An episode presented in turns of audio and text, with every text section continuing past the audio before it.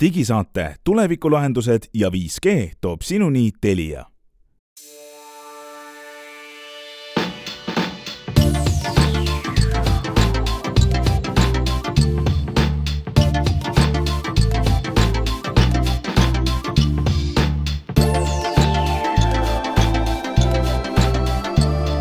tere, head kuulajad, nimetu digisaade alustab kolmekümnes jaanuar, see on jaanuarikuu kõige viimane digisaade sel aastal, kuulake eksklusiivne võimalus, rohkem jaanuarikuus saateid ei tule ja me räägime täna sellest, et läheb mööda loetud arv nädalaid, ligi neli vist.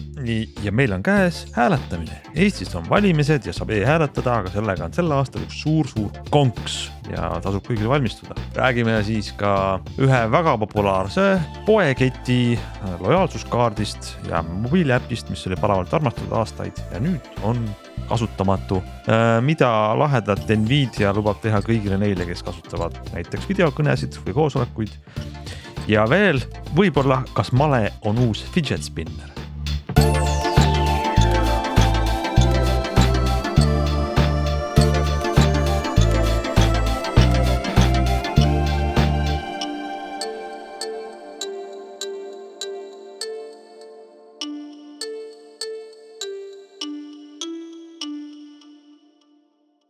Nonii, hakkame siis tänase saatega peale ja vaatame siit tulevikku. jah, jaanuari lõpp on käes, veebruar läheb ludinal mööda, lühike kuu. juba on käes märts ja Eestis saab valida uut riigikogu. Ehm, mis see riigikogu valimiste õige kuupäev ongi, kas keegi oskab kohe puusalt tulistada? viies märts. viies, just täpselt. märtsikuu esimene nii-öelda ametlik ähm, valimispäev on siis pühapäev, esimene pühapäev, aga teatavasti e-hääletamine kestab sellest juba palju varem ja e-hääletamine algab äh, üks nädal ennem, on mul õigus. kuus, kuus päeva enne. Äh, noh, see algava, algava nädala siis. esmaspäeval, esmaspäeval hakkab äh, eelhääletamine ja e-hääletamine ja pühapäeval on valimised. see on äh, esimest korda nüüd äh, nende valimiste jooksul on selline muudatus tehtud, et kui vanasti sai e-hääletada jupp aega enne valimisi ja siis oli veel mitu päeva vahet, nii et no enne nii-öelda pabervalimisi või, või jaoskonna valimisi. ja siis oli jupp, jupp maad vahet, mitu päeva vahet ja siis alles tuli see pühapäev kätte. siis äh, nüüd on selline asi, et äh, esmaspäeval algab eelhääletamine ja e-hääletamine sellega koos. see on kahekümne seitsmes veebruar ja viiendal märtsil ehk pühapäeval äh,, sama nädala pühapäeval on siis valimised ja muidu oleks kõik väga tore, mingis mõttes on see ju valijale kuidagi lihtsam, et noh, on valimiste nädal, ise tead, et kas sa siis selle kuue päeva jooksul hääletad e-teel või lähed pühapäeval jaoskonda. aga meil on suur riik ja riigiasutusi on mitu ja üks nendest kannab nime äh, Haridus- ja Teadusministeerium või on ta nüüd Haridusministeerium see kogu aeg vahetub, ma jään vastuse võlgu, kumb ta parasjagu on. igatahes on nemad otsustanud, et täpselt sel ajal, täpselt sel nädalal, kui Eestis on eelvalimised, eelhääletus e, e-hääletus ja üldse hääletus on koolivaheaeg.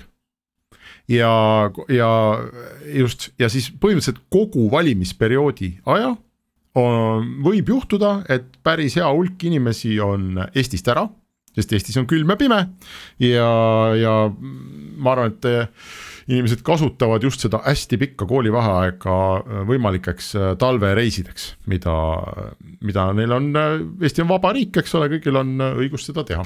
ja tegelikult on huvitav veel see, et, et koolivaheaeg hakkab juba kaks päeva varem, ehk need kooli selles mõttes, et see on laupäev on kahekümne viies. noh, kahekümne neljas on reede jah, see on ka sisuliselt juba selline oota, kas see on ka vaba päev või, jah. kakskümmend neli veebruar vaba päev, siis tuleb nädalavahetus. ja kakskümmend kolm on poolik päev, eks ole veel tõenäoliselt. Ja, ja, ja, vot selle peale ja, ja et põhimõtteliselt kahekümne neljandast on kardinad ees igal pool ja rahvas on läinud. Või, või ütleme hiljemalt kahekümne viienda hommikust tõenäoliselt. Äh, või isegi juba kahekümne kolmanda õhtust. Ja kogu see periood, kus meil peaks käima siin tohutu e-hääletamine ja eelhääletamine ja üldse hääletamine, äh, võivad inimesed olla kas ära füüsiliselt ära Eestist või lihtsalt hõivatud. no ma ei tea, kartuleid ei võeta, ei panda, aga noh, mingisugust talvetegevust kuskil, eks ole, leiab. et see ei tähenda, et sa pead olema Eestist ära, see tähendab, et sa võid olla lihtsalt väga pikal olengul oma maamajas ja. no aga kui sa oled ka ära, sa saad ju ometi hääletada. saad, aga. Loja, lojaalne kodanik, ei saa, ei saa või? mina, mina ei saa hääletada, sest ma plaanin nüüd ära sõita nädala, sellel koolivahe nädalal puhkan, ei taha näha arvutit ja klaviatuuri. ei, aga oota, Kallo, aga, koju jätta aga, ja siis hakkan sa, nuputama, kuidas pagan ma e-hääletan. kui sa arvuti kaasa võtaks, siis sa saad. siis, äh, siis tal, kui tal on toimiv mobiil-ID ka veel, vot seal on kaks nõksu, esiteks väga paljud inimesed ei tea, et telefoniga ei saa hääletada sest ei kunagi ei ole ei, saanud. Telefoniga sa ei saa hääletada, aga sa saad ju hääletada arvutiga ja kas Smart ID-ga ei saa? ei, aa, ühesõnaga sul peab olema mobiil-ID. kaks üllatust on nendele palmi all aga, hääle või suusamäel hääletajatele. aga no mobiil-ID toimib ka ju jällegi mujal ka. absoluutselt, aga see on eeldus, et A, sa võtad läpaka kaasa Arvuti, ja, ja B, sul on, on, äh, kui sa oled nüüd kasutanud juba mitu aastat Smart ID-d siis sa kuskilt kraabid välja toimiva mobiil-ID või mis veel ebatõenäolisem, ID-kaardi lugeja koos PIN-koodidega ja hakkad kõvasti nagu hääletama. ja ID-kaardi lugeja on raudselt ebatõenäoline, aga, aga noh, ma kujutan ette, et enamik inimesi, et mitte öelda võib-olla peaaegu kõik ikkagi mõistlik on panna oma mobiil-ID ja Smart-ID koodid vähemalt kattuma. no et, mina olen, olen seda teinud. seda teinud. ja, ja ma olen seda teinud ka oma lähedastel, et nad kogu aeg küsiks või ära nagu unustaks. aga ma seda et, protsenti tegelikult... ei julge väga kõrgeks pidada, Glen. aga ei, ma saan aru sellest, teat-, teatav mure, selline väike kribal on siin peidus kindlasti, mis võib suurem. ei, siin on, asja siin... sisu on selles, et juriidiliselt on ju kõik korrektne, kõik toimivad, telefonid, äh, ID-kaardid on ju Eestis olemas, kehtivad, aga lihtsalt viimase, ma ütleks kahe-kolme aasta jooksul on nii palju e-teenuseid üle läinud Smart-ID peale ja mobiilis kasutatavad. ehk on, meil on nagu meelest läinud ja muidugi võib süüdistada meid, valijaid, see on meie süü, aga sisuliselt on probleem selles, et äh, nüüd on see aeg, kui oluline hulk Äh, valimisõiguslikke inimesi, kes on lapsevanemad, kasutada koolivaheaega, sõidavad, äkki nad sõidavad lausa linnast ära, lähevad maale arvutist eemale. Ja, ja me tegelikult peame meenutama et esimene, ma ütleks, on see äratuskell meile endile, meile, valijatele, et see nädal leiame selle aja äkki siis kasvõi see, see pühapäev ise on ju nüüd ka e-hääletamispäev. kuna järgmine päev on koolipäev, siis me lood-, ei, kas ei saa, saab või? ei, ei saa, ei saa, ei saa, ära aja jama, ei saa. päeva on see aeg. laupäeval on viimane e-hääletamine. Ja, ja pühapäeval pead sa ikkagi tipa-tapa minema jaoskonda. Koos reisilt just, tulnud just. Äh, väsinud last. ja ega sa, ega e-hääletada saab ju hakata siis esmaspäevast. esmaspäeva hommikul ja see lõpeb äh, laupäeva õhtul, jah. laupäeva õhtul, just. Okay.. Ähm, no mitte Smartidega tegelikult ikkagi üks süü näiteks jällegi näpuga riigi peale ja ütleks, et no, no, kakskümmend aastat on olnud aega teha asja, et mobiilis töötaks. okei okay, yeah., jätame praegu kõrvale selle, et see Smart-ID hääletamise tugi nagu lubati ja siis ei tulnud, eks ole, aga. aga noh, teine asi on see, et ole, võiks see praeguseks olla juba nii piisavalt palju aega on olnud, on läinud mööda, eks ole. ja, ja tegelikult see ei saa olla ületamatum probleem, kui teda arvutis teha, eks ja aga samas ikkagi, kui konstruktiivse lahenduse poole vaadata, siis mina kutsuks Antsu ja teisi selliseid temasuguseid bursuisid, kes ära sõidavad, ilusti tulema pühapäeval tagasi ja minema valimiskasti juurde. sul on see võimalus olemas ju. kuidas see veel käis, ma üldse, mis asi, mis see kontseptsioon on? on, on inimesi, kelle registreeritud valimisjaoskond on nende kodust äh, hästi kaugel, nii et. no nagu... okei okay,, no vähemalt meie, meie kaassaatejuht ei kuulu nende hulka. ja see mure ka, muide ja tegelikult me, no me oleme tehnoloogiasaade ja me läheneme sellele, eks ole, sellise nagu e-hääletamise üle muretsedes võib-olla natuke Nii, või seda nagu fookusesse pannes, aga, aga nüüd, äh, küsimus on minu arust selles, et, et ükskõik, kas sa tahad e-hääletada, eelhääletada või lihtsalt hääletada, siis riik on neid kahte perioodi kokku pannes, koolivaheaega ja valimisi kokku pannes, on lihtsalt teinud valimistel osalemine, osalemise noh, üldse raskeks, ükskõik mis moel sa, kui sa oled selle nädala ära, mis on teatud inimestele väga tõenäoline, siis sa ei saa põhimõtteliselt hääletada mitte ühelgi moel kõik. ei, sellega tuleb ainult nõustuda jah ja,, et võib-olla lihtsalt, lihtsalt pühapäeval oled sa võib-olla tagasi, aga see muidugi. kui Air Baltic jääb tähenda... hiljaks, siis sa ei ole tagasi, eks okay,. seda küll jah. see tegelikult küll. toob minu selle küsimuse juurde, mida ma teie käest küsin, sest et te olete selle asjaga rohkem võib-olla kursis või uurinud, aga asi, millest mina aru ei saa, on see, et Eh, mis imeloom on e-hääletamine selles mõttes, et miks on e-hääletamine kuskil varases eh, nii-öelda, nii-öelda eelhääletamisega samal ajal, miks ta on varem, miks ta kestab nii kaua, et miks me ei te, võiks teha e-hääletamist samamoodi sel pühapäeval, eks õigel valimiste päeval. see võtab vähem aega kui kontoris käimine või selles eh, valimisjaoskonnas käimine, et nagu no, absurd minu arust põhjus on selles, miks on see pikk periood, et anda paindlikkust rohkem, inimesi saaks e-hääletada ja miks siis äh, valimispäeval seda ei ole. Ikkagi mõte selles, et sa saad üle kirjutada oma elektroonilise hääle seal jaoskonnas, kui keegi avaldab survet sulle, kui sa kahtled, et protsess on äh, pahavara poolt rikutud midagi, siis sa lähed sinna kohale jaoskonda. saad Et oma hääle ära muuta jah. mul, ma, mina kiidan seda heaks, mul arvates see on hea ei mõte usu, riik ei usu äh, sellesse, et see süsteem on turvaline ja, ja no me, see on hea, kui on mitu taset ta ei usu sellest, et sa, ta ei, riik ei usu sellesse, et sa pühapäeval selle süsteemi endale kodus tööle saad. kui see selgub teisipäeval, et sa ei saa, siis sul on veel mitu päeva aega käia ja otsida mingi mingi sugulane või tuttav, kes tuleb sul selle asja korda teeb. ma ja olen selle üle koodid ära imestanud vahetada. mitmed eelmised valimiskorrad, et miks see nii on. aga, aga lühike parandus või lahendus tegelikult oleks, miks alustada kuus päeva varem, võiks olla kümme päeva varem. absoluutselt võiks olla jah, hääletage terviseks, mis seal vahet on. ei, ei muidugi ja, ja loomulikult ikkagi seesama asi, punkt, mida Henrik rõhutas, on, on, on selge see, et, et keegi on vaadanud lihtsalt risti mööda sellest, et panna valimised ja koolivaheaeg tegelikult ühe päeva peale seda, see on tegelikult totter tõepoolest, kui, kui see, kui nii mõelda, eks ole, et isegi kui me jätaks need e-valimised siit üldse välja ja ütleksime, et, et mingi kolmandik inimesi äkki sõidab minema ja siis paneme selleks ajaks valimised, on see ju tegelikult halb idee, et, et mitte midagi ei juhtuks, kui nihutada ühte kuskile poole, eks ole. No, valimised muide, mõlemad valimised noh. tulevad seadusest. Ja valimistega äh, seaduses on niimoodi kirjas, et valimised toimuvad vajalikul aastal märtsikuu esimesel pühapäeval ja seda Mm, okei. no okei okay,, seadus on nagu seadus, võib-olla täiendada, et noh, aga, aga lihtsam on loomulikult liigutada seda pagana koolivaheaega, sest Kindlasti. koolivaheaeg on, kehtestatakse haridusministeeriumis äh, ministri määrusega Ja, ja, ja, ja. no lihtsalt tehniliseks infoks äh, on see, et valimiste süsteemi muutis ära selliseks, nagu ta praegu on see, et, et e-hääletus on on äh, kuus päeva enne valimisi, enne ta oli kuidagi rohkem enne, eks, et see käärid olid pikemad, aga valimiste kuupäeva muutis ära Jüri Ratase valitsus aastal kaks tuhat kaheksateist. see oli Ratase ja see ei olnud EKRE valitsus muide, mida paljud on mu käest kuidagi küsinud. see oli äh, äh, Keskerakond, Sotsiaaldemokraadid ja Isamaa sulgudes liit, ma ei tea, kas ta oli, mis liit ta oli minu, nii palju kui mina aru sain, siis, siis kaks tuhat kaheksateist suvel võeti see vastu ja siis oli see valitsus. Ja, ja kaks tuhat üheksateist sügisel, aasta hiljem kehtestas koolivaheajad äh, haridusminister Mailis Reps oma käskkirjaga. nii et kui me küsime, et, milliste poliiti- et millised poliitikud selle taga on, siis ma ütleks, et keskerakondlasest peaministri juhitud valitsus ja keskerakondlasest haridusministri äh, määrus seda me loomulikult ei ütle, et nad kuskil kohvitassidega mõtlesid, et ahaa, teeme nii. me ei saa seda öelda ja me ei olnud seal, aga, aga lihtsalt huvitav kokkusattumus. ja aga siis ütleme, et siinkohal tuleks siis esitada üleskutse, nii uhkelt kui see ka kõlab, et kes siis läheb minema, siis tuleks võtta kaasa vajalikud vahendid ja kindlasti oma hääl anda ikkagi no tuleb kaasa võtta arvuti Just. ja tuleb äh, vaadata, et sul on mobiil-ID, mis töötab ja et sul on äh, PIN üks ja PIN kaks ja kõik on teada ja mitte ainult sinul, vaid tegelikult tervel su täiskasvanud perekonnal, saatjaskonnal, kes sinuga kaasa tuleb. ja see tähendab, eks ole, et, et, et arvuti, et sinna, et, et tahvel sa, samuti ei sobi, Ei. iPadid ja ju ka ei, ei, toimi. Windows, Mac, Linux Windows, Mac, Linux, muud iPad OS-id, Ei, iOS-id, ei, Androidid. ja see ongi tegelikult selle asja kurblooliluses, et äh, ütleme veel neli, neli aastat tagasi eelmistel valimistel see võib-olla poleks nii suur teema olnud, aga ma, ma arvan, et ma ei eksi, kui ma ütlen, et selle möödunud nelja aasta jooksul on äh, ütleme, vaba aja kasutuses arvutite tähtsus meeletult vähenenud inimestel ja igasuguste ai ja mis iganes seadmete, eks ole, tähtsus suurenenud ja see, et ma lähen nädalasele või kümnepäevasele reisile ja ei võta läpakat kaasa, see on täiesti okei. okay. see ei ole mingi ennekuulmatu, et no kes see siis ei võta, ma arvan, et ei võtagi.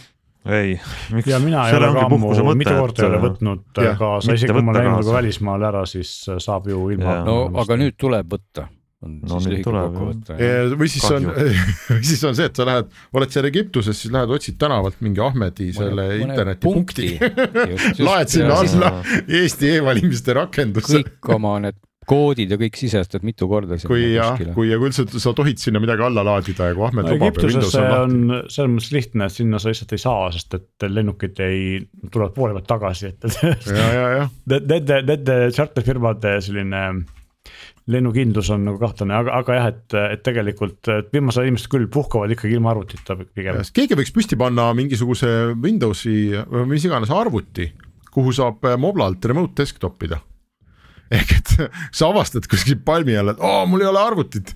siis sa saad äh, mobiilist mingisuguse remote desktopiga sinna sisse, teenus nagu jah, see on kohutavalt ebaturvaline mõte, ma tegelikult ei soovi, soovi. parem jätaks oma selle kirjutaks. Twitterisse, et ma hääletan kandidaadi selle poolt, et palun viige mu sedel kohale. ja, jah, no vot siis sa pead näitama dokumente ega seda asja aga ühesõnaga keegi on Eesti riigis teinud äh, rämeda prohmaka ja mitte ainult nagu e-hääletamise mõttes, vaid lihtsalt üldse kogu selle hääletuskuupäevade osas ja, ja kui me USA-s, USA puhul imestame, et kuidas seal ma ei tea, üks või teine, kes võimul on, tõmbavad mingisuguseid äh, valimisjaoskondade mingeid piire ringi ja ma ei tea, teevad nagu vastastele keerulisemaks selle hääletamise no vot siis me oleme saanud nüüd kogu kompoti, et lihtsalt mingi hulk inimesi on riigist ära, okei okay,, teeme valimised. ja see on väga, väga nõme. ja, ja lõpetame võib-olla ka selle ikkagi siin on korduva ja korduva ja korduva mõttega, et äh, teeme siis mobiilis e-hääletamise ka valmis. eks, Smart ID-ga äh, identimisega, just. jah. no võtame järgmise teema Nii., kurb. vaatame edasi jah, kui on puhatud ja koolis käidud ja hääletatud, siis tuleb poes käia ja räägime siis äh, nüüd Selverist. Selveril on äh, partnerkaart, lojaalsuskaart ja juba aastaid on inimesed kasutanud selleks, et äh, mitte füüsilist kaarti kaasas kanda, kasutanud äppi nimega M-tasku. õigemini M-tasku oli siis vist Telia projekt, millel peamine ankurpartner oli siis Selver, et M-taskus oli sul virtuaalne partnerkaart, käisid poes, sellega aktiveerisid omale ostupuldi ja nii edasi. ja inimesed kirjutavad meile, me saime ühe kirja. Kui ma nüüd äh, kiiresti selle endale ekraanile saan, siis üks meie saate kuulaja kirjutas ja kurtis seda, et M-tasku on äh, ikkagi täiesti kadunud äh,. M-tasku tugi, õigemini siis äh, kuulaja tõi esile sellise probleemi, et äh, äh, M-tasku on küll olemas, aga ta on kasutamatu Selverites. on nii, Meelis? tõsi, et siis- äpp on ju olemas, jah. M-tasku on olemas, seal on terve hulk erinevaid kliendikaarte ja kinkekaarte, aga enamus neist on pisikesed firmad, keda mina ei kasuta või on olemas firmad, kellel endal on äpp, mis on noh, funktsionaalsem, eks ole, näiteks Alexela. Alexela kliendikaart on seal küll olemas kuigi nemad ka vist on seda võims-, võima-, võimekust vähendanud enda taskus. aga Alexela enda äpp on noh, noh kordades parem, eks ole, või mõttes mitte parem, aga, aga funktsionaalsem nagu, nagu üks native äpp on. ja jah, Selveri äpp oli, Selveri kaubamaja grupp siis tegelikult, mitte ainult Selver, eks ole, ka teised äh, kaubamaja grupi poed. oli või võimalik seda kasutada, aga, aga oli noh, tõenäoline, et ühel hetkel nad ka oma äpi teevad ja selle nad ka tegelikult siin nüüd mõni kuu tagasi tegid ja mina ka noh, käin, kuna Selver oli mul enne, kui Lidl tehti kõige lähem pood, siis ma käisin suhteliselt palju seal. Ja ma võtsin ikka M-taskuga pulti nagu päris tihti, eks ole, ja üks asi, mis ongi nagu nüüd uue Selveri äpiga muutunud, lisaks sellele, et ta näeb päris ilus välja, on see, eks ole, et ma saan kasutada siis telefoni puldi asemel. Ja kuna ma olen sama asja harjunud tegema nii Maximas kui Rimis, siis tegelikult see on asi, mis mulle meeldib. Ja peale seda, kui ma seda Selveri äppi endale installisin, siis äh, ma pole kordagi ühtegi, kordagi Selveris pulti võtnud, eks ole, füüsilist. ja, ja teine asi, mis siis mind huvitab siiamaani, on see, et mind väga huvitab äh, M-taskul oli selline noh, ma ütleks pooletoobine või selline just hästi kehvasti lahendatud Telia koostöö, Telia ja Danko koostöös ühistranspordi piletisüsteem, eks ole, esimene siis virtuaalne pilet telefonis Eestis. ja see kadus varem juba ära ja see minu, mina seda kunagi tööle ei saanudki, seal oli vaja NFC toega SIM-kaarte ja muid kummalisi asju. ja küsisin, kui see Telia poolne eh, müügiprotsessiks, kui M-tasku müüdi Telia poolt Moneri OÜ-le, kes oli varem siis M-tasku arendaja, on siiamaani M-tasku arendaja, Telia partner oli. küsisin nende käest, et kas ähm, tuleb siis mingisugune asendus ja tuleb, varsti tuleb, QR koodi põhine, okei okay.. ja siiamaani oli vaikus, aga sattusin ma lugema sel nädalal paberi peal olevat ajakirja Digi kus on Ronald Liive intervjuu Moneri esindajaga ja nemad ütlevad, et nad ikka jätkuvalt tegelevad selle kallal, aga nad ei kavatse seda enne turule tuua, kui on tehtud ära uus eh, Tallinna transpordi piletisüsteemi riigihange. Ma ei tea, millal see toimub, aga igal juhul noh, me jäämegi ootama seda piletisüsteemi niimoodi. ehk siis praegusel hetkel minul on M-tasku telefonist läinud, sest et seal ei ole ühtegi asja, mida mina reaalselt kasutaks, võib-olla seal on asju, mida keegi teine kasutab, aga minu jaoks seal ei ole ühtegi praktilist. ja M-tasku tuleb mulle siis tagasi telefoni, kui seal saab olema ühiskaart nojah, see ongi võib-olla selline segaduse koht on selles, et mõnikord äh, ettevõtted asendavad, vana äpp läheb kinni, tuleb uus asemele, muudavad nime, aga siin on see M-tasku on alles. inimestel pole telefonis olemas, aga kui sa lähed nüüd Selveri poodidesse, sa ei leia enam neid QR koode, millega just, skaneerida, et midagi aktiveerida. ja ka M-tasku lehel on Selveri logo veel alles. või? Huvit-, jah, ma just praegu vaatasin. huvitav on see, et nad andsid teada, äpist tuli teavitus, et kohe-kohe on saabumas neile Maxima tugi mis on eriti kummaline, sest Maximal on ka päris isegi noh, üks esimesi väga häid äh, poeäppe oli tegelikult Maxima eks ole.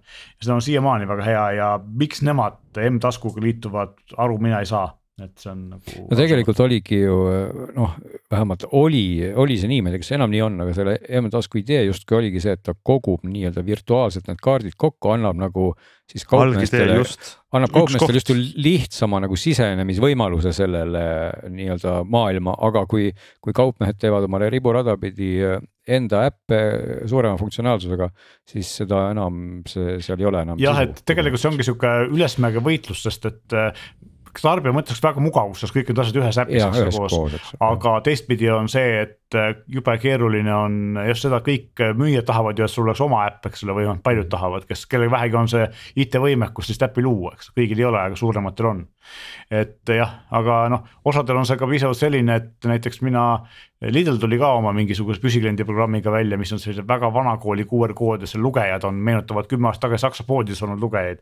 et ilmselt on sama tehnoloogia. ilmselt samad jah. ja, ja, ja siis kuna see QR koodi aken on seal äpis hästi pisike, mida on jube keeruline sinna sihtida sellest lugejast, siis mina tõstsin selle endale ümber Google Walletisse, kus see QR kood on suuremana ja ma saan paremini pihta, nii et nii saab ka. Lifehack, väga kaval. no ütleme, et siin veel võib-olla üks koht, kus, kus oleks veel nagu mingisugust, ma näen nagu võib-olla mingit serva, mida võiks ära teha on see kliendikaartide teema, et mis ei ole nüüd otseselt, otseselt nagu sellisel, sellisel kujul, nagu me räägime siin Selverist ja Rimist, aga, aga, aga samas ka miks mitte, eks ole, et seal on nagu oma kliendikaardid, aga on väga paljud sellised väiksemad tegijad, kes on oma kliendikaardisüsteemi sidunud ID-kaardiga ja, ja kui ma ei eksi, on üks neist isegi Prisma, kus, kus sa pead kindlasti oma ID-kaarti, mis on tegelikult täiesti jabur, sest et miks ma pean kandma kaasas ID-kaarti ja, ja pean tunnistama, et ma olengi paljudes kohtades lihtsalt noh, mõnikord vannud ja mõnikord mitte, et mul ei ole seda kaasas no,. On... et, et, et see on nagu koht, kus võiks küll kas siis ulatada keegi a la M-tasku oma abistava ja. käe või, või mis iganes, aga kaks. võiks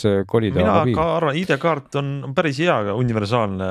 ja, ja ID-kaardiga on see, et kui sa sõidad autoga, siis tõenäoliselt sul on ID-kaart kaasas Äh, no aga sa, ma, ma, ma, ei no vaata, aga ma sõidan autoga, mul ei ole kaasas, ma olen võib-olla. sul peab olema mingi isikute dokument. see on kohustus. ei ole seda oh,. ärge kuulake nüüd, kes kannavad sinist univormi. ja, aga ja, mis mind häirib rohkem on tegelikult üks, ma olen nõus sellega, et, et see võiks olla ka äpis, absoluutselt sada protsenti nõus. aga jällegi siin on nagu see, et ma olen sellest vist siin saates varem ka rääkinud, et natukene näiteks näpuga riigi suunas võib-olla teenimatult ja, ja ühtlasi ka siis võib-olla nende ID-kaarti kasutavate firmade suhtes, et eh, ID-kaardil on minu arust viimased kolm, võib-olla isegi viis aastat olnud NFC tugi. ja mitte ükski nendest ID-kaarti kliendikaardina eh, jah, kasutavatest firmadest ei kasuta seda, et miks nad peaks, kui muideks kõik apteegid kasutavad ID-kaarti kliendikaardina. just, just ja see on väga tore, kui nad kasutaks, aga see vist ei ole nende kaupmeeste süü.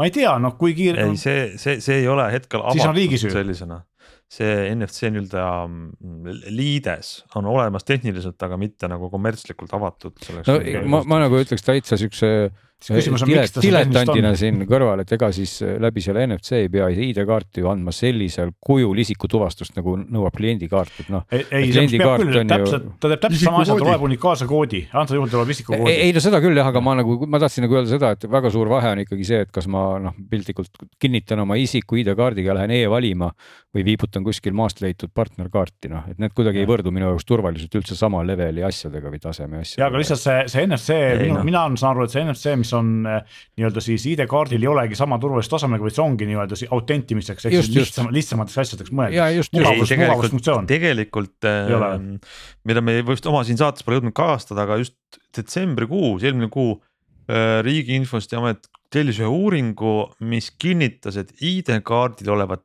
NFC funktsionaalsust saab turvaliselt kasutada nii autentimiseks kui digiallkirjastamiseks mm. -hmm. nii et see on tehniliselt seal olemas, nad on selle veel, ühesõnaga vist riik ei ole veendunud veel, et see no väga ettevaatlikult avatakse seda viimane no, isikukoodi lugemine ei tohiks olla sealt keeruline ega ka noh, ei ole nagu seotud mingi suure turvariskiga.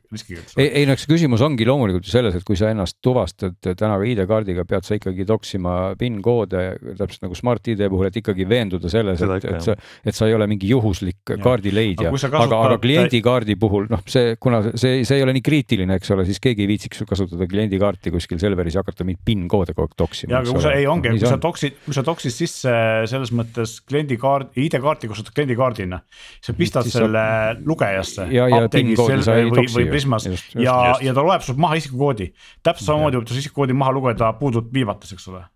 aga ühes, ühe kaupmehe juures ma suudan meenutada, kes see on. ma äh, skaneerin ID-kaardil olevat triipkoodi äh, see on ja see on, see on Prisma puldi, see on Prisma puldi saamiseks. vist midagi sellist ja. ja see on nagu veel üks tase seal, et ma mõtlen, et see on, see on mul väga kõrgtehnoloogiline kiipkaart ja seal peal on triipkood ja siis lasen skaneerin seda kuidagi ja siis see kõik on. ja siis kui sa oled maksmas, sa pead panema ID-kaardi seda otsapidi, eks ole, masinasse ja tuvastab niimoodi. ja siis sa saad pabertšeki, mida sa pead kolmandas kohas minema maksma. ma, minu arvates jutuks kokku tõmmata niimoodi, et eh, jaekaubanduse tehnoloogia on tegelikult jube põnev, me kõik ootame innovatsiooni, sest see puudutab kõiki inimesi ja see on väga laia mõjuga. ja, ja tore on näha need, kes käivad äh, nii-öelda innovatsiooni teevad ja ma arvan, et äh, partnerkaardide uus äpp on tegelikult päris hea, vana M-tasku Selvertis ei tööta, aga ootame, et saaks kasutada näiteks ühte. teate, mis mul praegu mõte tuli, me eelmine nädal rääkisime siis sellest M-riigi äpist, et nüüd äh, me võiksime ju saata kasutada ID-kaardi asemel seda M-riigi äppi, et ma viipaks yeah. seda hoopis NSC või, või QR koodiga kuskil, eks ole, autendiks sellest niimoodi tuleb anda seda tagasisidet, et seda kodanikud, tarbijad ootavad. see on muide, ma, ma, ma, ma tahtsin korra lihtsalt vahele öelda, et, et olles nüüd elanud siin mõned kuud riigis, kus Amazon toimib ülinormaalselt siis äh, ma julgeks küll öelda, et see, kehtib võrdväärselt nii Eesti riigi kui, äh, kui eraettevõtete kohta Eestis. et kui teie ei tee, siis tuleb Jeff Bezos või keegi ja teeb, eks no,. ja, ja ta teeb seda siis kahjuks oma tingimustel ja siis meil on suur häda, eks, siis me nutame, miks me ei saa sa, mingit loll Ameerika suurfirma. siin Amazoni, ma tahtsin sõnasabast kohe kinni võtta, sest Meelis siin paar päeva tagasi näidati meile Samsungi uudiseid, millest me ei tohi rääkida aga siis just võtsin, võtsime just teemaks ka Eesti e-kaubanduse ja ma ei jõudnud ära kiita, kui hästi Amazon toimib, Saksa Amazon Eestis. see on täiesti ebareaalne, kui ruttu saadab Saksa Amazon asjad kohale ja kui sulle need asjad ei meeldi, siis nad sama ruttu saadavad nende asjade eest raha või nad saadavad uued asjad või mis iganes nad teevad, et see, see kõik on nagu nii positiivne kogemus, et täiesti noh, see on, see on täiesti no, võt, teine maailm. aga see ongi see iva, et suur et, no, tuleb ja teeb ja teebki, eks ole, ja on see jõud ja, ja kui meie amame siin nii kaua, et minu äpis on ID-kaart, minu äpis ei ole ID-kaarti, me, siis mul on Smart-ID, ei, meil on mobiil-ID, nii, meil on nüüd mingisugune, mingi tuvastus on, aga mingit tuvastust me ei julge seda teha ja me ei saa ja siis sellel koosolekul ei otsustatud ja noh, et see suhtumine on nagu väga leviv. Ja, ja kui me ise nagu ei ole nutikad ja kiired, siis tuleb keegi, kes on suur, eks, istub sulle pähe. me tegelikult ju olime kiired kunagi. ja olime jah aga Kuna, nüüd ma saan aru, no siis me just lõpetasime e-valimiste asjaga, miks ei saa Smart-ID-d, miks ei saa telefonis, eks ole, ma ei tea, miks ei saa ID-kaardiga teha seda või toda, miks, miks, miks, noh ja. ei no samas, samas ikkagi palju asju on ju ka tegelikult hästi, olgem ausad, ega ei saa nüüd öelda, et kõik oleks halb, et me saame siin firmat teha naksti, ruttu ja nii edasi, nii edasi. me leiame nagu asju, mis on hästi, aga teistpidi, millega nagu alati on natuke no, kuidagi sihuke ikaldus, on, on, on need asjad, kus, kus tuleb, kus inimene peab suhtlema nagu inimesega või siis robotinimesega, et ma, ma, ma siiralt ei usu, et seal Amazonis vastab minu kirjale mingisugune päris Emily, see on kindlasti mingisugune chat GPT derivaat, kes minuga räägib, aga, aga ta teeb seda kohe, ta teeb seda väga rõõmsalt ja minu probleemid lahenevadki kohe. Et see, see mind üllatab metsikult, et vaadates siin kohati seda Eesti e-kaubanduse köögi poolt, siis juhtub nii, et sa kirjutad kuskile kliendi tukke ja sealt siis sealt ei juhtu üldse midagi. Neil ei ole chat GPT. ja siis võib-olla kolme arved. päeva pärast, kui sa uuesti kirjutad, siis öeldakse, et kuule, sorry, et teate, et võib-olla me isegi tegeleme sinu asjaga, et noh, et. no meil juhtub ka seda Eestis, et kui sa tahad midagi osta ja ütled, ma tahaks teile raha anda, siis ka ei juhtu midagi. jah, jah, just see on, see on, see on ka väga terane tähelepanek, absoluutselt. kuulge, aga me oleme siin äh, saadet äh, juba teinud, äh, tänast saadet natuke aega peame kuulajatele selgituseks ütlema, et me oleme virtuaalses stuudios, vaatame siin, kuidas, kes tahab sõna saada, räägib. Henrik kogu aeg vaatab imeliku näoga. ta nagu vaatab kogu aeg. midagi on nagu valesti Ja- jah? kõik on nagu õige, aga midagi on ka valesti, aga ta kogu aeg vaatab ja pigem sihuke tunne on nagu vesterni filmides nagu need vaatavad need kaks duellil, duellanti vaatavad üksteisele silma niimoodi. Ja sina ei pilgu ratsutad silma. rahulikult oma poniga ja põõsas jälgib sind, et sul on tunne kogu aeg, et see põõsas vaatab mind. et mis värk on, Hendrik, räägi ära. mina katsetan äh, uut äh, Nvidia sellist pisikest programmijupikest või tehnoloogiat või ma ei teagi, mis selle kohta öelda täpselt, nagu eye contact. ja mõte on siis selles, et minu mm. veebikaamera signaal jookseb nüüd läbi, läbi minu graafikakaardi ja kuigi ma vaatan hetkel äh, keset ekraani, isegi ekraani kaamerasse. alaosasse, eks ole, kus mul, kus ma näen teid, siis teile tundub, et ma jõllitan, et mu silmad puurivad otse kaamerasse, et siis tehisintellekt põhimõtteliselt võtab minu näo pealt reaalajas silmad ja tõstab ülespoole kuigi ma ise vaatan hoopis mujale. aga. kui sa vahepeal vaatad alla ja vaatad jälle ülesse, kas see, kui sa alla vaatad, on see koht, kus sa päriselt vaatad alla või? no ma ei tea, ma see vaatan oma monitori all olevat kus sa logo, praegu vaatad? vaatan praegu täpselt nagu la, põhimõtteliselt laua on peale monitori praegu sa vaatad alla, ja praegu sa vaatad alla. nüüd ma sa vaatan keset ekraani, ei, sa sa vaatad meile silma, nii ja nüüd ma vaatan veebikaamerasse. ei sa kogu aeg vaatasid sa silma. vaatasid Et kogu see aeg meile silma, jah? Ühesõnaga ta, ta nagu väga ebaloomulikke liigutusi ta ei tee. ei, See on ütleme nii, et kui sa, kui sa vaatad alla, vot siis ta selle jätab alla jah, aga mm. -hmm. aga, aga, aga ülesvaatamist ei, ei esine, et, veebikaamerasse sa nagu ei vaata, et sa vaatad kogu aeg. Jah. ei, see on ju. veebikaamerasse vaatamine. ei, ei, ei seda, seda küll silma. ja, ja ma ütlengi, et me, et meie jaoks nagu äh, silmad on nagu meie või noh, jah, põhimõtteliselt ma saan aru, ta vaatab ekraani keskele, eks ole, et silmad peaks olema teise on koha ko- peal, aga meie näeme, et ta vaataks nagu Meie- otse üles, tegelikult see võib päris hirmutav olla, sest et me oleme nüüd mitu Ja aastat pidanud koosolekuid vaata nagu läbi Zoom'i või Teams'i või mingi asja inimestega, kellel noh, justkui oleks nagu probleeme silma vaatamisega, vaata mõned inimesed on, kes ei taha kunagi sulle silma vaadata ja me oleme nii ära harjunud sellega, eks, et kui sa pead koosolekut, siis noh, inimese silmad on kuskil mujal ja, ja no tõesti, kui üks hull jällitab sulle otse nagu näkku, siis võib veits ebameeldiv olla, et mis ta tahab, aga see on jube vahva, et jube vahva tehnoloogia, et kui sul on Nvidia, minul on kahe tuhandenda seeria kaart ehk päris mitu aastat vana äh, või, või siis ka uuem, et siis selle saab täitsa tasuta äh, lisada ja tule, tegelikult äh, tuletame meelde, et Apple'il äh, Facetime'i kõnedel on see iPhone'is juba mõnda aega. Nii et äh, see toimib ja, ja Teams'is, Microsoft Teams'is on see vist väidetavalt ka, aga ainult teatud arvutitel, nii palju kui ma aru sain. et mingisugused Microsofti enda Surface'id vist või midagi aga see on lihtsalt, me teeme nüüd siin, ma ei tea, järgmine, ülejärgmine saade ühe pikema ülevaate igasugustest ai asjadest, mis on turule tulnud. ma ei tea, kas see on ai või on see lihtsalt, me saame öelda pildi processing, aga mingi noh, Aga see kindlasti lubab väga lahe asi. Ma saan aru, et kuna asi toimub graafikakaardi tasemel, siis ei ole tähtis, mis tarkvara kasutatakse ja sellega saad sa ka näiteks oma siis virtuaalse tausta panna, sõltumata, kas programm seda toetab või mitte. ja no taust on mul ka, ma lihtsalt tegin mingi suvaline roheline pilt, eks ole, mis on ja see ei ole nagu hirmus ja ma ise näen praegu, et mul ikkagi, kui ma pead liigutan, siis taust, taust ei jõua järgi. aga samas ta ikkagi selle tausta joonistab ka päris hästi sul siin kõrvaklappide vahelistest ja, kiludest, et, et ikka sellise üsna täpse resolutsiooniga üritab ta seda ja, teha. ja kui ma pead paigale hoiaks ja väga palju ei vehkleks, siis oleks vist päris hästi. ja, et äh, tulevad, tulevad peale need sellised äh, vahvad uued tehnoloogiad ja noh, võib-olla siis järgmises saates saame ka meie kõik üksteisele kuidagi virtuaalselt silma vaadata.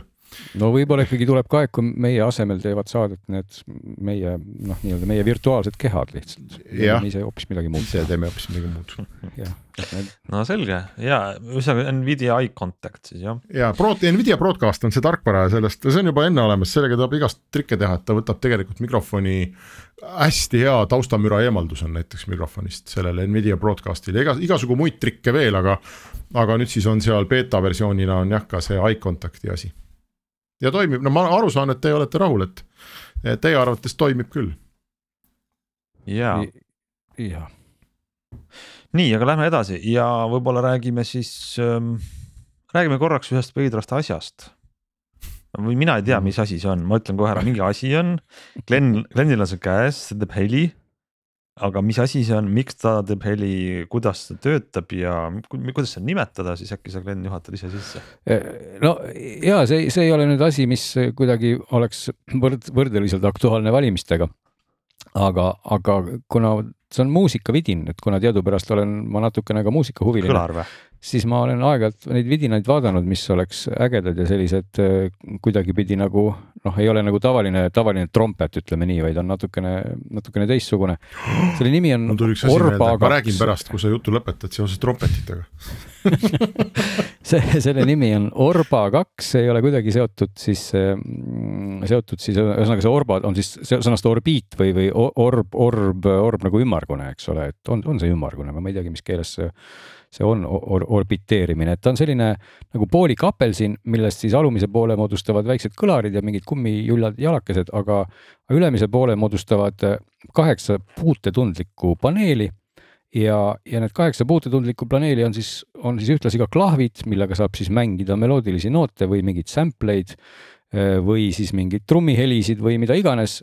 nii et põhimõtteliselt see väike julla sisaldab siis nelja rida või rada nagu helisid, ütleme, et sa esimese hooga toksid näiteks sisse siis äh, mingisuguste trummi sound idega nii-öelda rütmi, siis see rütm jääb siia keerlema, siis sa toksid siia peale mingisuguse muu heliga siis näiteks bassi ja siis jääb see bass siia keerlema, siis on siin järgmine rida akorde, no siin oli bassi sound, nüüd tulevad akordid ja, ja need akordid siis ka on, on kõik nagu helistikus siis nende muude pillidega ehk siis nagu bassiga ja siis ka viimasena nii-öelda soolopill, mis siis on pentatooniline laad, see laad teadupärast noh, kes muusikast midagi ei tea, see on selline, selline tore laad, mis väga hästi sobib siis igale poole peale, kui ta on samas helistikus juhtumisi.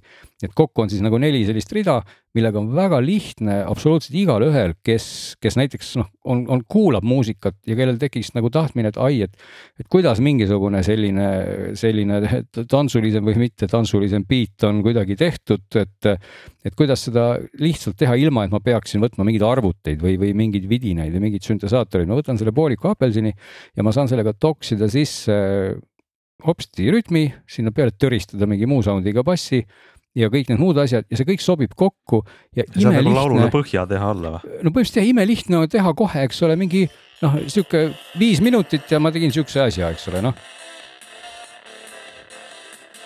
nii et, et sa saad nagu, nagu. mingi MacGyveri tunnusmuusika. ja ma just mõtlesin, et kaheksakümnendate soengu äh, saadagi kuskilt mujalt ja siis kivi, selle, selle, kusjuures selle nagu sound'i komplekti nimi oli, on ka, ütleme, et siin noh, äpis on, on umbes sadakond sellist nagu sound'i preset'it, kus siis on nagu bass ja need, nii et muud trummid, kõik need sound'id, selle, selle komplekti nimi oli tuhat üheksasada kaheksakümmend üks. no näed, oli küll. ehk et, ehk et need, need seda akord ja kõik see bassi sound, nad ongi selles võtmes. ma saan neid omavahel kõiki muidugi kombineerida kombineerida, et kui mulle ei meeldi üks või teine, selleks on vaja nüüd mobiiliäppi. aga, aga mis teeb selle Julla just nagu ägedaks, ongi see tegijate võib-olla kontseptsioon, et kui muidu nagu pilli mängimine ikkagi on nagu noh, tavaliselt nagu selline oskus, mis nõuab siis juba lapsepõlvest mingit eh, verd ja pisaraid kõvasti. ja, ja kui sa seda teinud ei ole, siis kui sa oled juba suur, siis on, on hilja vereks ja pisarateks, sa ei oska seda. siis jäävad see... pisarad, et ei oska. siis jäävad pisarad jah, et aga see, see asi siis nagu põhimõtteliselt pühib pisarad ära ja, ja paneb sind võib-olla naeratama, et sa ei pea oskama selleks eh, mitte ühtki pilli mängida, välja arvatud lihtsalt, et sa, sa vajutad siia klahvi peale ja kuulad, kas see sulle meeldib ja, ja, ja kui sulle tundub, et mingi, mingi sihuke asi sulle meeldib, noh, mingi rütmitunne ilmselt peab sul elementaarselt olema. Ja, ja siis, siis sa lihtsalt toksid selle sisse ja, ja oh, ongi äge, eks ole.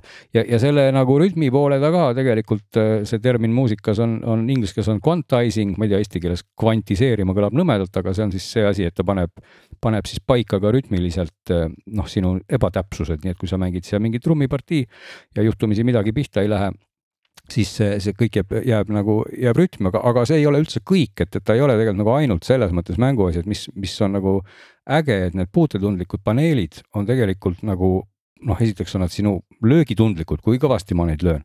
teiseks ka see asukoht mõjutab, et, et kui ma siin nagu sõrmega niimoodi pealt sudin, siis tekib väike vibra, kui ma keeran selle asja nagu viltu, siis, siis muutub, muutub selle tämber, eks ole, et ma saan tegelikult seda heli, mida ta tekitab äh, nagu muuta kokku lausa üheksas parameetris, mis need parameetrid on kõik siis raputamine, löömine, erineva koha peale vajutamine, nihutamine ja kõiki neid parameetreid edastab ta läbi midi, et ta oleks nagu midi kontroller. et kes nüüd on nii-öelda selline, ütleme siis professionaalne või tõsisem muusik ja teab juba, mis need kõik tähendavad ja miks need head on, siis tegelikult, kui sa kasutad seda nagu midi kontrollerit, paned oma mis iganes sound'i moodulite arvutite külge. on sul võimalik sellega väga nii-öelda efektselt ja lihtsalt tegelikult mängida, noh, mis iganes mingit soolot, ma ei tea, oled siukene live muusik, tahad mingit ägedat, ägedat asja teha, mis näeks visuaalselt äge välja, siis võtad sellise pisikese julla ja, ja siis sellega saad, saad teha asja täitsa nagu päris tõsiselt, eks ole. aga ta peab nagu... juhe küljes olema, eks, et ta. ei pea nagu, muideks. selle midi jaoks ei pea, ei pea olema või? midi liigub tänapäeval ka üle Bluetoothi väga hästi, jah ahah, et tal et, on see sees siis, et, et ja, ja ah, et selles mõttes okay. noh, ütleme ai, ai maailmas äh,, iOS-is siis iPadOS-is on see nii-öelda midi over Bluetooth toimib nagu, toimib nagu väga-väga hästi, Androidi maailmas nagu tuleb tunnistada, et see toimib nüüd ka, aga, aga ta ei toimi nii hästi, jah. aga mingit et, viivitust siis ei tule sisse, ma kujutan ette, et seal ikka võiks ma ütleks, et äh, iPad'i puhul mul ei tule, mul on mingi vana iPad, aga täiesti väga adekvaatselt toimib, aga tõesti OnePlusiga siin katsetas Androidiga ja ühe Sony telefoniga oli natuke sihuke so-so, et, et ta ei ole nagu nii hea, aga muidugi jah, kui sa tahad ikka kõige kindlama peale välja minna, siis võtad juhtme, eks ole ja, ja see noh, äpp on, äpp on olemas siis samal kujul nii telefonile kui, kui äh, Windowsile kui Macile ehk nagu arvutitele. et tegelikult noh, pool selle seadme elu ehk või, või isegi öeldakse nagu rohkem elab seal äpis, eks ole, sest oma lugusid sa salvestada saad sinna.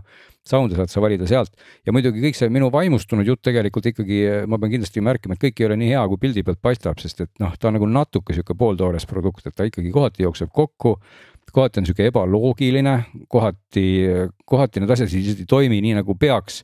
ja teistpidi noh, üsna ruttu sa komistad võib-olla selle otsa või noh, ütleme, mul on väga keeruline vaadata seda kellegi teise perspektiivist, kui ma ise, eks ole, et kui ma paratamatult oskan mingeid pille mängida, siis ma üsna ruttu nagu saan aru nendest piirangutest, mis ta mulle tekitab. ja mul tekib nagu see tunne, et, et ma tahaks, tahaks nagu midagi temaga rohkem teha ja siis ma saan aru, et, et ma saan temaga teha ühe parajasti mingi luubi valmis. see on mul siin sees noh, ma ei saa ju järgmist teha, ilma et ma selle ära kustutaks, selleks peaks mul kindlasti olema telefon, kuhu ma siis nüüd selle uue salvestan. või selle vana salvestan ja siis teen siia uue. Ja ma ei saa neid kahte juppi kuidagi enam kokku panna.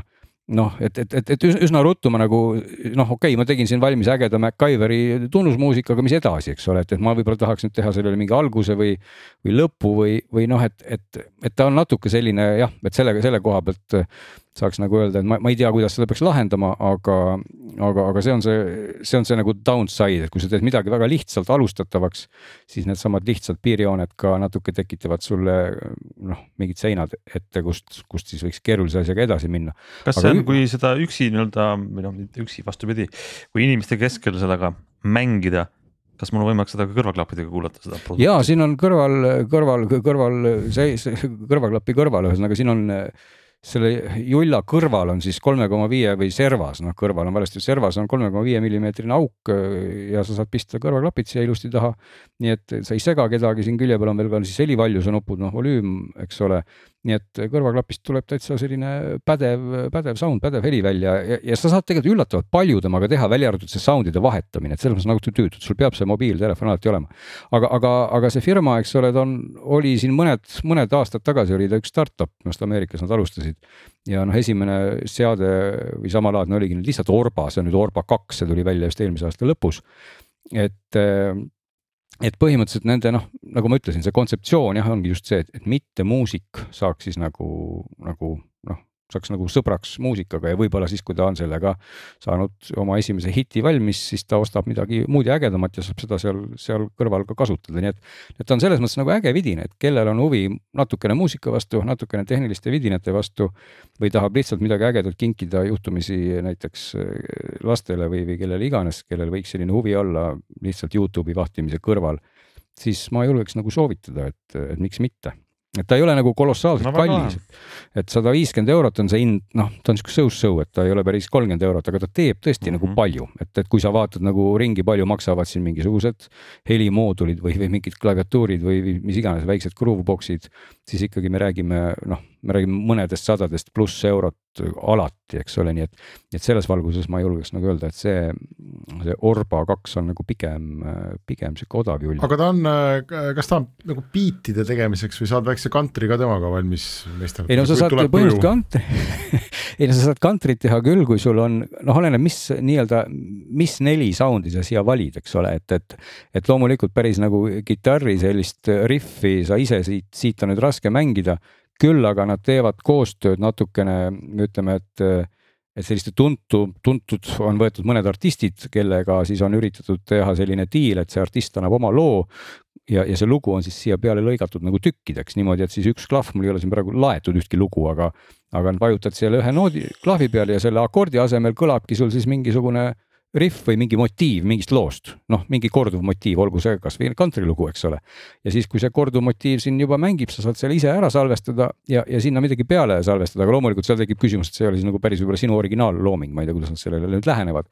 aga, aga igal juhul, kui sa nagu hobi. see on remix lihtsalt. see on nagu remix jah, et kui sa ja. hobi mõttes tahad siin mingisuguseid tuntud, mul ei ole praegu, ei hakka nimesid nimetama, et kes seal olid, et mõned artistid on, kellega nad koostööd teevad. ja, ja, ja see on päris nutikalt tehtud, et kui sa tegelikult tahad nagu lihtsalt ägedalt aega veeta ja, ja, ja nii-öelda sellist valmis muusikat legoklotsideks lahti võetuna uuesti kokku panna, siis, siis jällegi täiesti nagu toimiv lahendus. no väga lahe, kes tahab muusikaga, muusikaga natukene mängida, eks eksperimenteerida, Orba on siis see asi. Orba on see asi ja just Orba kaks on siis see, Orba, Orba oli siis esimene, just vot nii. väga hea ja võib-olla jõuame siis rääkida veel sellest ka, et kas äh, kui teil on tunne, et te olete kuidagi silma torganud, et male on äh, jälle moes, siis äh, see mulje, muljel on tõestusmaterjali. et mingisugune huvitav maletrend on käimas, käima hakanud ja, ja selle on nii selliseid üksikisiku tasemel äh, tunnistajaid kui ka suuri, suuri numbreid mis on siis populaarsem malesait, on teatavasti chess.com, äh, male.com, mis on äh, jõudnud kõigi aegade rekordini, kõige rohkem kasutajad, kes käivad siis malet mängimas veebis, oli vist jaanuaris. tegi topelttulemuse võrreldes detsembriga, kümme miljonit inimest käis, käis chess.com'is samal ajal võtsin siit selle peale kohe lahti Google Trends, mis ütleb ju ka kõige varem selle ära, et kas sulle tundub, et mingi asi on praegu jälle teeb laineid või, või ongi siis üle viie aasta pole kunagi nii palju otsitud male kohta. mis värk malega on? ma ei tea, vastust ei tea vist vist keegi ma just tahtsin küsida, et kes siis, kust siis male populaarsus tulema, Tiktokist tõenäoliselt no,. näiteks novembris oli, oli tohutu moeikoon Louis Vuitton tegi oma uue mm, mingisuguse reklaamikampaania, selle foto, kus mängisid malet kaks meest. Lionel Messi ja Cristiano Ronaldo, jalgpallurid jah, aga mängivad malet, sest male on see cool asi, mida teha äh, mida ma ise olen, olen näinud, mul on siin ütleme niimoodi siuksed äh, nooremad, äh, nooremad tegelased mm, kuskil kümne aasta vanuses ja male äh, ronib peale sotsiaalmeediast.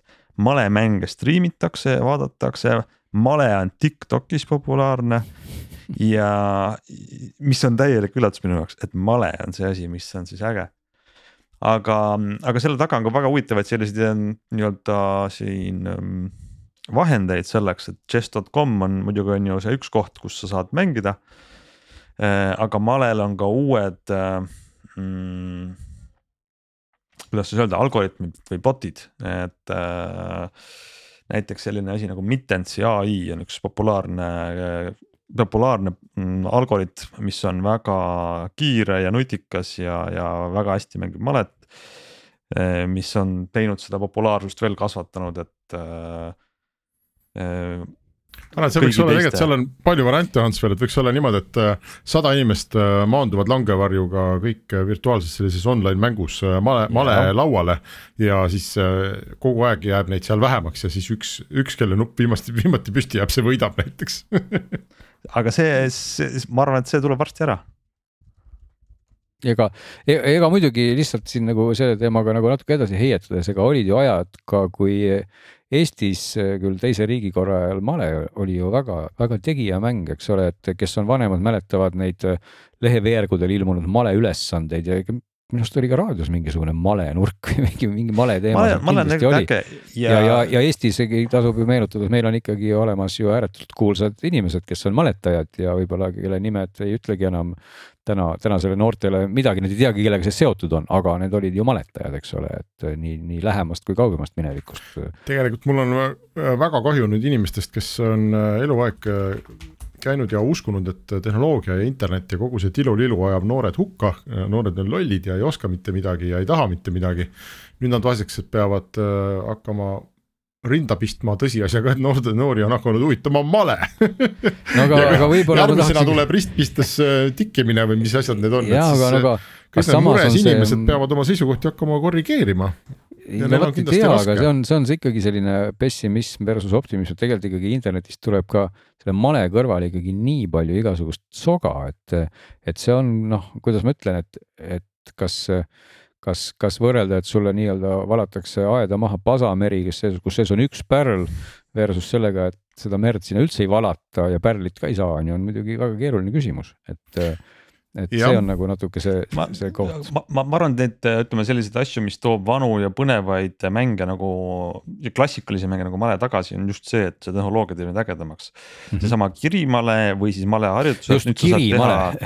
kirimale, sa saad kirjaga käigu. just, just. et neid sa saad nüüd harjutada ise automaatselt mm. -hmm. pluss saab ka nagu lõbusalt äh, nautida seda olukorda, et me oleme teinud arvutid juba väga targaks, et äh, veel no. siin viis aastat tagasi oli kõige tugevam malemootor või algoritm oli siis Stockfish ja nüüd me pulli pärast ise olen kodus teinud, tegime siin siis telefonides kaks malemootorit vastakuti Stockfish mm -hmm. selle uue Mittensi vastu. aa nüüd on nii, et ise ei viitsi mängida, et ma saan aru, et sinu robot vaatame. mängib su lapse just. robotiga või? kas, kuna ma ise niikuinii kaotasin. ma võtan oma sõnad juba. tagasi, kõvad malemängijad küll. ma ise juba niikuinii kaotasin, et ma võtsin appi siis need parimad algoritmid ja märkasin muidu huvitavat asja siis uus Mittensi male äpp eh, käib väga kiiresti, mõtleb eh, järgmise käigu välja ja käib. ja tema vastas oli siis minu iPhone'is olev Stockfishi aleäpp, mis pani, ajas aku tühjaks, telefon kuumenes tohutult üle ja, ja pidin laadima panema ja see ei suutnudki välja mõelda, mida aga, teha. aga mäng, ühesõnaga tulemuseni ei jõudnudki siis selle korraga või? me oleme tegelikult kolm matši teinud, ühe korra võitis uus Mittens, ühe korra vana hea Stockfish ja kolmandas korra mu telefoni aku sai tühjaks, nii et see on, võib-olla see on meetod, kuidas mitte kaotada. oota, aga kuidas nagu... see, kuidas need erinevad maleäpid Ants mängivad, kas neil on mingi ühine nagu protokoll ei, või mingi keel, mida nad räägivad? ma mõtlesin, see oleks eriti kihvt, vaata, kui nad mingisuguse yeah. male JSON-i või mingisuguse tehnoloogia tead kaudu nagu suhtleksid ja süngiksid oma käike.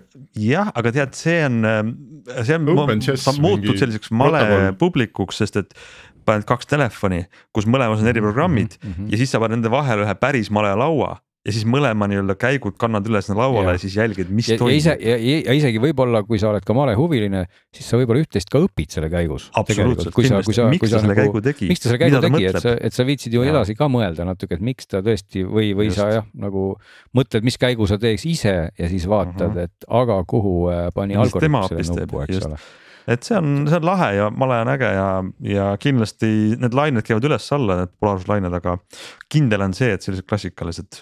aga, aga noh, muidugi eks siin, eks siin jääb see, see see, need ohud jäävad nagu ikka, et just siin ju ka viimasel ajal on rohkem ja vähem jutuks olnud nii-öelda sellest maletopingust, kus täpselt on sul piltlikult taskus see iPhone ja siis keegi sosistab sulle kõrva käike, eks ole. kuule tasku et... oli veel hea, ma ikka mäletan neid tagumiku elektroodide uudiseid. ütleme nii, et äh, tasku on viisakalt öeldud. tasku on viisakalt, no aga ma mõtlesingi ikkagi viisakalt, et, et selles mõttes ei ole, ei ole nagu ohud sealt kuskile kadunud, et, et kui palju lõpuks siis sa ise mõtled selle käigus, on iseasi, aga võib-olla. ei no suur, suur pilt on, mida me peame arvestama muidugi see, et inimesed saavad omavahel võistelda, aga inimesed versus masinad, et see, siin ei ole enam seda võrdset mängu, et. ei, siin ei ole kindlasti, aga, aga noh, pigem oli see küsimus just selle koha peal, et, et kas inimene noh, et tekib see kiusatus nagu noh, võtta ise ka seda dopingut, eks ole, et. et kui ma nüüd kellegagi võistlen, siis äh, kust, kust ma tean, et, et see kirimale vastas on, on siis see inimene või. jaa, ei, see ei tööta enam jah. mitte ei ole algoritm, eks ole. just vot nii, ma arvan, et äh, jaanuarikuus me võime seekord tõmmata saadetega joone alla, aga väga palju head on veel Kas, jäänud äh, rääkimata. jäi jah, tegelikult ma tahtsin kohe ikkagi vahele segada, olgugi et ma võib-olla ma ei peaks sellest rääkima, aga kuna see mind lihtsalt erutas, et kas, kas meil on saateaega nii palju, et ma saaks öelda miks mind ajas uut, Huawei uute kõrvaklappide puhul natukene närvi ja mitte. ei, mõtle kõigi jooksjate peale, kes on pidanud juba peaaegu tund aega jooksma, mõtlevad meie saadet kuulata. ja kui me nüüd pool ma, tundi veel teeme, siis. ma oleks tahtnud seda öelda tegelikult, et, et mulle mõned asjad väga meeldisid ja need aga ütleme järgmises saates no Siis, ütleme, järgmises siis nagu saates plaanige, Uue- keegi plaanib ikkagi ja siis, suusaringi nädala aja pärast ka. põne, põnevuseks nagu, et mis, mis tõesti, mida võiks seal kindlasti mitte olla ja palju asju, mis seal võiks siis nagu olla.